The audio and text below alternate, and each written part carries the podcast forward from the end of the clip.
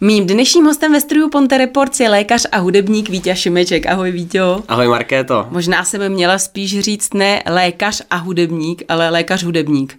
Lékař hudebník, lepší varianta spojuju příjemné s užitečným. Tak je mi jasný, že asi povolání lékaře je poměrně náročný, takže pomáhá ti v tom ta hudba nějak? Eh, díky té hudbě zvládám činnost lékaře, jinak už bych asi dal výpověď. A počkej, to jsi teprve ale krátce, ty vlastně jsi jako... No, ale už jak... potřebuji do důchodu. to, nás, to nás tedy uklidňuje. No, nicméně, tobě pomáhá hudba, ale ty zase na druhou stranu pomáháš hudbou. Snažím se. A to skrze event, který jsme vytvořili jménem Carpe Diem, což je hudební event s charitativním přesahem, který se bude konat mimo jiné teď 17.3. ve studiu 3 nahrávací společnosti Ponte Reports. A eh, jak jsem již říkal, je to hudební event s charitativním přesahem. My jsme se tentokrát rozhodli uh, veškerý zisk ze vstupného uh, darovat Kojeneckému ústavu v Mostě a zároveň ho především morálně a symbolicky podpořit, podpořit personál za jejich celoživotní úsilí a uh, zároveň trošku finančně pomoci. Druhým dílem, který přišel tak nějak z nenadání, je, že bychom chtěli podpořit i Ukrajinu a Ukrajince, řekněme regionálně tady za most, a tedy podpoříme symbolicky a i finančně a to dobrovolnou sbírkou na místě, která by měla putovat konkrétní rodině, konkrétním Ukrajincům. No tak já jsem se přiznám, že tímhle jsem původně myslela, že skončíme, jo? že vlastně pozveme konkrétně pak na tu akci. Já jsem se taky chtěla bavit dobrý, takže uh, event Carpe Diem, co máte za sebou už, co už jste podpořili všechno? Máme za sebou první ročník, který se konal na Matildě, jezeře Matilda a bylo to spojené se surfováním, uh, s hudbou, s eh, taková beach party prostě na Mostecku a bylo to bomba, ten vibe byl neskutečný. A e, tam jsme veškerý zisk darovali e, Katce Sasákové, která potřebovala speciální auto, je imobilní a skládali jsme se na auto, přispěli jsme s částkou zhruba kolem 30 tisíc a dále tam byla firma Zelená země, která uh, dala celoživotní produkty CBD, právě Katce Sasákový, který pomáhají na její diagnózu. Eh, vnímáš to tak, protože ty pomáháš poměrně často, vnímáš to tak, že lidé raději eh, pomůžou a přispějí konkrétní osobě, než třeba nějaké společnosti? No, tak já osobně to tak mám. Takže na základě toho jsem uvažoval i co se týče té tý toho eventu, protože já opravdu jsem rád, když vím, že ty peníze putují někam konkrétně někomu, vidím tam ten výsledek za sebou a uh, přijde mi to, že to dává větší smysl. Na druhou stranu je to, uh, když ta pomoc má být ve větších měřících, tak je lepší, aby to organizovala společnost, která k tomu je opravdu tvořená, tak jako člověk tísně a tak hmm. dále. Mm takže ty mají určitě zase úplně trošku jiný profil a filozofie té svíčenosti. No tak jak tě napadlo zrovna teď, nebo respektive pojďme, já říkám hmm. pořád ty, ale ty v tom nejseš sám. No rozhodně ne. Uh, je v tom tým lidí, za Carpe Diem jsem to já, je to Saxo Francis, a John Sarkander, lékař, František Šalanda a saxofonista. Uh, dále v tuto chvíli uh, je zatím Studio 3 a Ponte Reports, kte- kteří to s námi organizují vy to s námi organizujete. Eh, dále jsou tam spolupořadatelé Tomáš Hašek, Gabriela Chytrová, opravdu plénum eh, lidí, kteří se na tom podílejí. Jak těžký je dneska přesvědčit lidi, aby pomáhali? Protože já mám pocit, že strašně dlouho jsme pomáhali v rámci covidu, hmm. teď hodně pomáháme, co se týče té tý Ukrajiny. Teď do toho právě ještě takhle konkrétně ty věci, jako že třeba tady nějaký konkrétně Kátě jsme pomáhali, hmm. teď budeme pomáhat Kojeňáko a tak. Není té pomoci už jakoby moc na ty lidi. Ono se to tak možná zdá, mně spíš přijde, že Češi se opravdu profilují jako národ, který je nesmírně solidární. Na druhou stranu my žijeme ve své bublině svého národa a upřímně nevím, jak to třeba je ve Velké Británii, když jsem čet, tak taky vybrali extrémní množství peněz a prostředků ale co si myslím, že spíš se neustále rozkoukávají, co se týče kulturního života. Opravdu ty kulturní akce, ta kultura neustále je trošku bytá, ať už pandemí nebo válkou.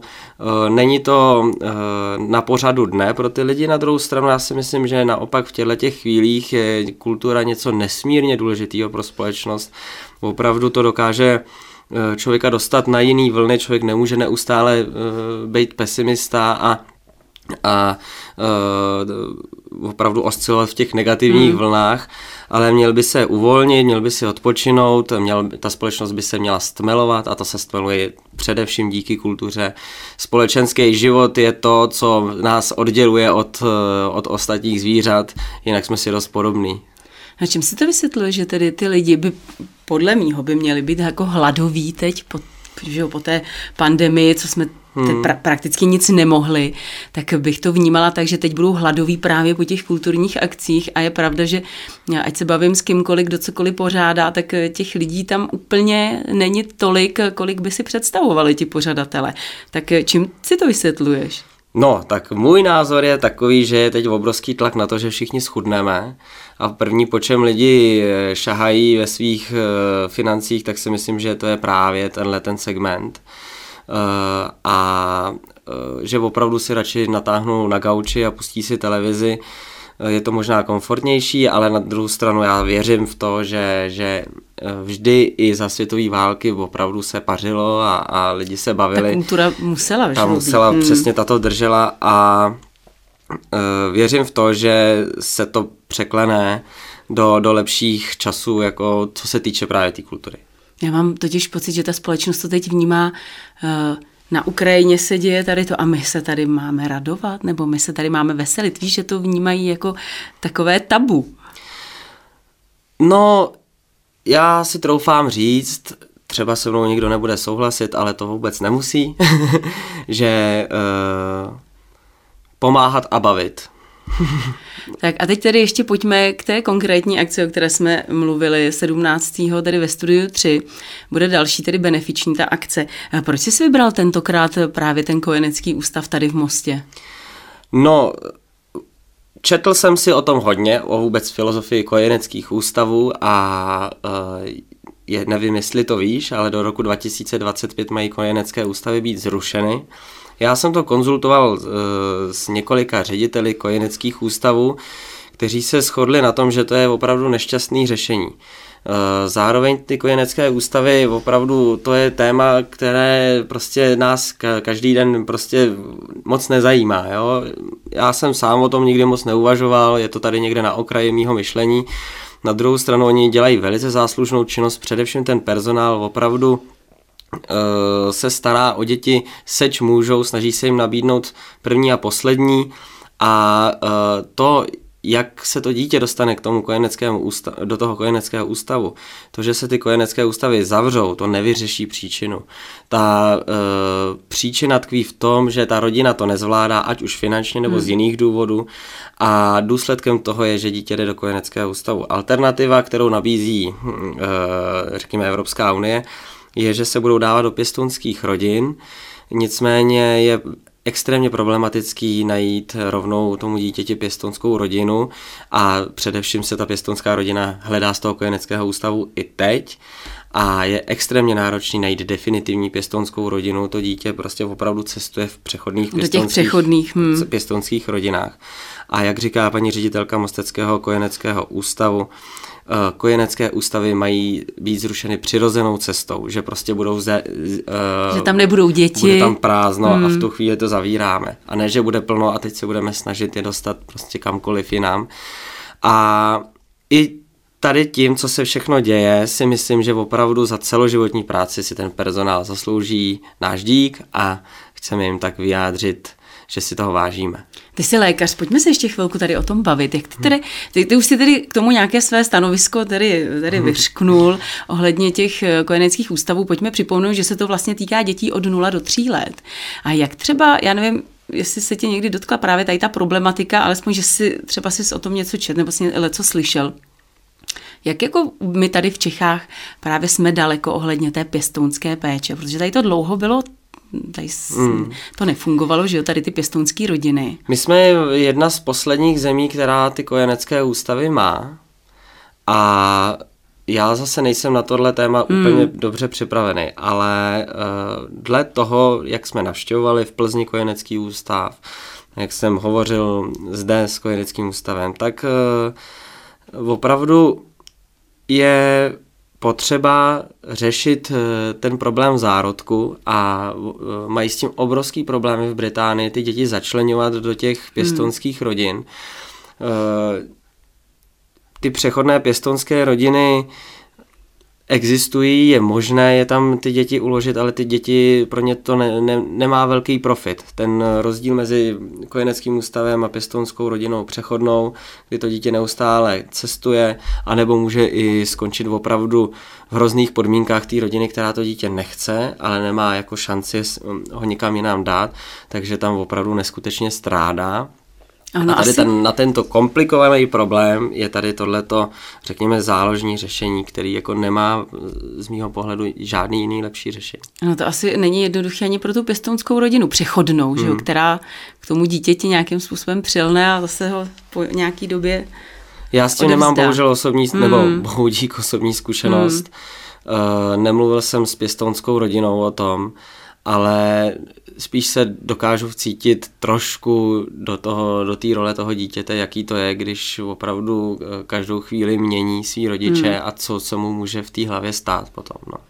Eh, vnímám to tak, že zkrátka máš potřebu tohle řešit, takže fajn. Takže jak můžou tedy lidé pomoci a přispět taky? Úplně nejvíc pomůžou, když si koupí lístek, a přijdou, protože veškerý zisk, opravdu veškerý, uh, jde uh, za tím kojeneckým ústavem. Uh, s tím, že, jak jsem budu přímný, ředitelka říkala, že finančně nestrádají, ale zároveň i oni budou nabízet uh, lůžka pro ukrajinské uprchlíky a že finanční podporu z části nebo celou uh, právě věnují na, na tuhle tu problematiku aktuální, ale že jí nesmírně těší, že se o ně začal někdo zajímat, protože schání dobrovolníky, schání lékaře a je potřeba, aby o tom bylo slyšeno, kort tady regionálně a mají tam 50 dětí, kteří jsou zdravotně handicapovaní a hmm. s nimi to uložení těchto dětí do pěstonských rodin je takřka nemožný. Takže zkrátka lidé potřebu, nebo potřebují, aby mohli pomoci, tak musí přijít na ten musí koncert. Musí přijít na koncert. Dostanou opravdu všechno na zlatém podnose. Ve, ve čtvrtek? Ve čtvrtek 17. 17. v 19.00 se otevírají dveře Eh, v 8.00 eh, bude hrát výborná zpěvačka, písničkářka Aukim Beat a potom bude půl hodinky pauza a poté vystoupím já s Johnem Sarkandrem, zahrajeme premiéru našeho setu, kterou, který jsme nahrávali na Ibize, vysílalo se to na Očko TV a je to opravdu jeden z obrovských mezníků naší kariéry a chceme ho odprezentovat tady.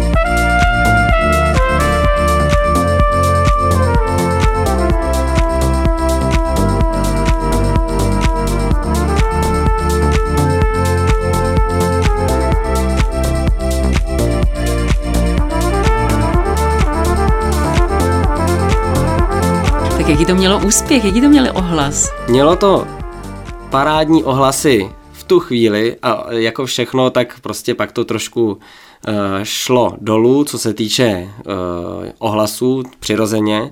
Nicméně uh, opravdu na té scéně se nám podařilo něco neuvěřitelného a teď se z toho budeme snažit vytěžit maximum ale e, ještě při probíhajícím, e, řekněme, covidu, kdy to, se to vysílalo, tak e, ty bookingy opravdu jsou problematický, nikdo nic neví a jak to bude a dál. Ta, ta činnost budovat tu kariéru, to je kontinuální činnost, kontinuální tlak, člověk nesmí polevit a my jsme to takhle uchopili, rozhodli jsme se nepolevovat a věříme, že prostě to ovoce se sbíráme, to, který chceme. Ještě ohledně toho čtvrtečního koncertu tady ve studiu 3, tak ty lístky se můžou kupovat kde? Protože já vím, že to není úplně jako jednoduchá ta cesta k tomu. No naopak jsme to zjednodušili a to sice přes goout.net, což je portál přesně na prodej lístků. Tam si uh, divák uh, napíše Carpe Diem Launch Edition nebo prostě Carpe Diem se to píše, neboli užívej dne a e, tam si může online koupit lístek a pro ty, kteří mají problém si ten lístek koupit přes internet, tak nebude problém si na místě koupit lístek, to znamená v ten den ve čtvrtek stačí přijít včas a koupit si lístek zde máš srdce na správném místě, neustále pomáháš, ale já musím říct, že tobě je taky, nebo bylo pomoženo, taky si potřeboval pomoc a ta pomoc byla neuvěřitelná. Pojď nám ten příběh rychle tak nějakým způsobem vylíčit. Zkusím stručně a, neskusím, a zkusím se u toho nerozbrečet. a, takže mě právě eh, po, tý, po tom našem tripu na Ibize, tak uh, jsme jeli tam autem ve s veškerou technikou, a po, po celém tom úspěšném tripu s dobrou náladou jsme jeli z Ibizy do Barcelony a, a v Barceloně jsme si dali eh, menší pauzičku. Veškerou tu techniku jsme nechali v autě. E, nicméně to bylo opravdu v lázeňské zóně na pláži a nějakým způsobem najevně jsme si mysleli, že Barcelona je bezpečné město my z mostu, že jo, si říkáme, že... Nikde nemůže být může v mostě. Respektive všude, ne, to ne, to bych zase bagatelizoval. Ale nechali jsme to tam a bohužel během chvíle nám byla opravdu veškerá technika ukradená. Uh, jeli jsme ve třech, jeli jsme s, s Gabrielou Chytrovou, uh, se Saxo Francisem a... Jaká byla škoda? Škoda celková byla zhruba 400 tisíc. Hmm a já jsem na tom skončil teda nejhůř, protože mi byly ukradený i hudební nástroje, k nímž jsem měl velmi velkou citovou vazbu a zároveň opravdu počítače, elektronika, drony, eh, všechno. a eh, během cesty, kdy jsem byl úplně zničený, prostě Eh, tak mý kamarádi, respektive moje přítelkyně a mý eh, nejlepší kamarádi, tak eh, vytvořili za mými zády sbírku a začali se na mě sbírat. A mě, mě nešlo zaplatit u, u stojanu na pumpě, tak jsem říkal, a dostali se mi do účtu, a když jsem se koukl na ten účet, tak mi tam začaly přibývat peníze a vytvořilo se něco naprosto neskutečného. Výsledná částka, která se vybrala, je přes 250 tisíc korun. Během jaké doby? No, Já vím, že to byl docela fofr. Bylo to obrovský fofr, já nevím, jestli to bylo v rámci 14 dnů hmm. nebo třech týdnů, ale bylo to něco, co na dosmrti samozřejmě nezapomenu za prvé. Za druhé mi to i zase poupravilo životní hodnoty, a uh, i co se týče muziky, tak jsem si řekl, že na dosmrti zač- budu tou muzikou pomáhat, budu se jí bavit a zároveň s ní budu pomáhat a o tom bude Carpe Diem, který doufám, že se bude neustále rozrůstat. A z, jako z patřičné části mi to opravdu uh, pomohlo si získat veškerou tu techniku v extrémně rychlém čase zpět. A lidé mi nabízeli opravdu i hudební nástroje, mi půjčovali a tak dále. A uh, bylo to neuvěřitelný dobro a eh, teď mám celý život na toto vrátit. A je mi jasný, že teprve koncert máte před sebou toho 17. Ale přeci jenom už se vám honí v hlavě zase nějaký tedy další takovýhle hmm. benefiční koncert, který byste mohli připravit? Eh, v létě v létě. A... Uh, Tohle to je opravdu teď 17.3. jsme to nazvali Lounge Edition. My chceme, aby to Carpe Diem bylo opravdu na krásném hmm. místě. Proto jsme i oslovili vás a Studio 3, protože to jsou naprosto exkluzivní prostory tady v tomhle regionu a nejenom v tom, na tenhle ton region. Je to neskutečný sál, který mě strašně baví. A, uh, ale Lounge Edition, že jsme to nechtěli úplně zas tak hrotit megalomansky, takže to bude opravdu do půl jedenáctý a užijeme si krásný čtvrtek, ale v létě chceme udělat takovou letní větší akci zase na krásném místě. Už máme eh, vyjednaných pár spotů, nebo máme v hledáčku pár spotů, který, který jsou úplně exkluzivní a, a chtěli bychom to ve větším. Je pravda, že tahle muzika, nebo to, co vy děláte, tak je to, já si to úplně přesně představuji, jako na té Ibize, víš, úplně sluníčko, let, léto, tak. pláž a ty koktejlíky s těma deštníčkama, takže yeah. nicméně i tady ve studiu 3 si myslím, že to bude jako dobrá nálada, dobrá mm. atmosféra, že to bude stát za to. Já ti moc děkuji za to, co děláš. Díky za to, že jsi přišel a přeju samozřejmě hodně štěstí. Já strašně děkuji za pozvání a taky vám přeju hodně štěstí. Mým dnešním hostem ve studiu Ponte Reports byl Vítěz Šimeček.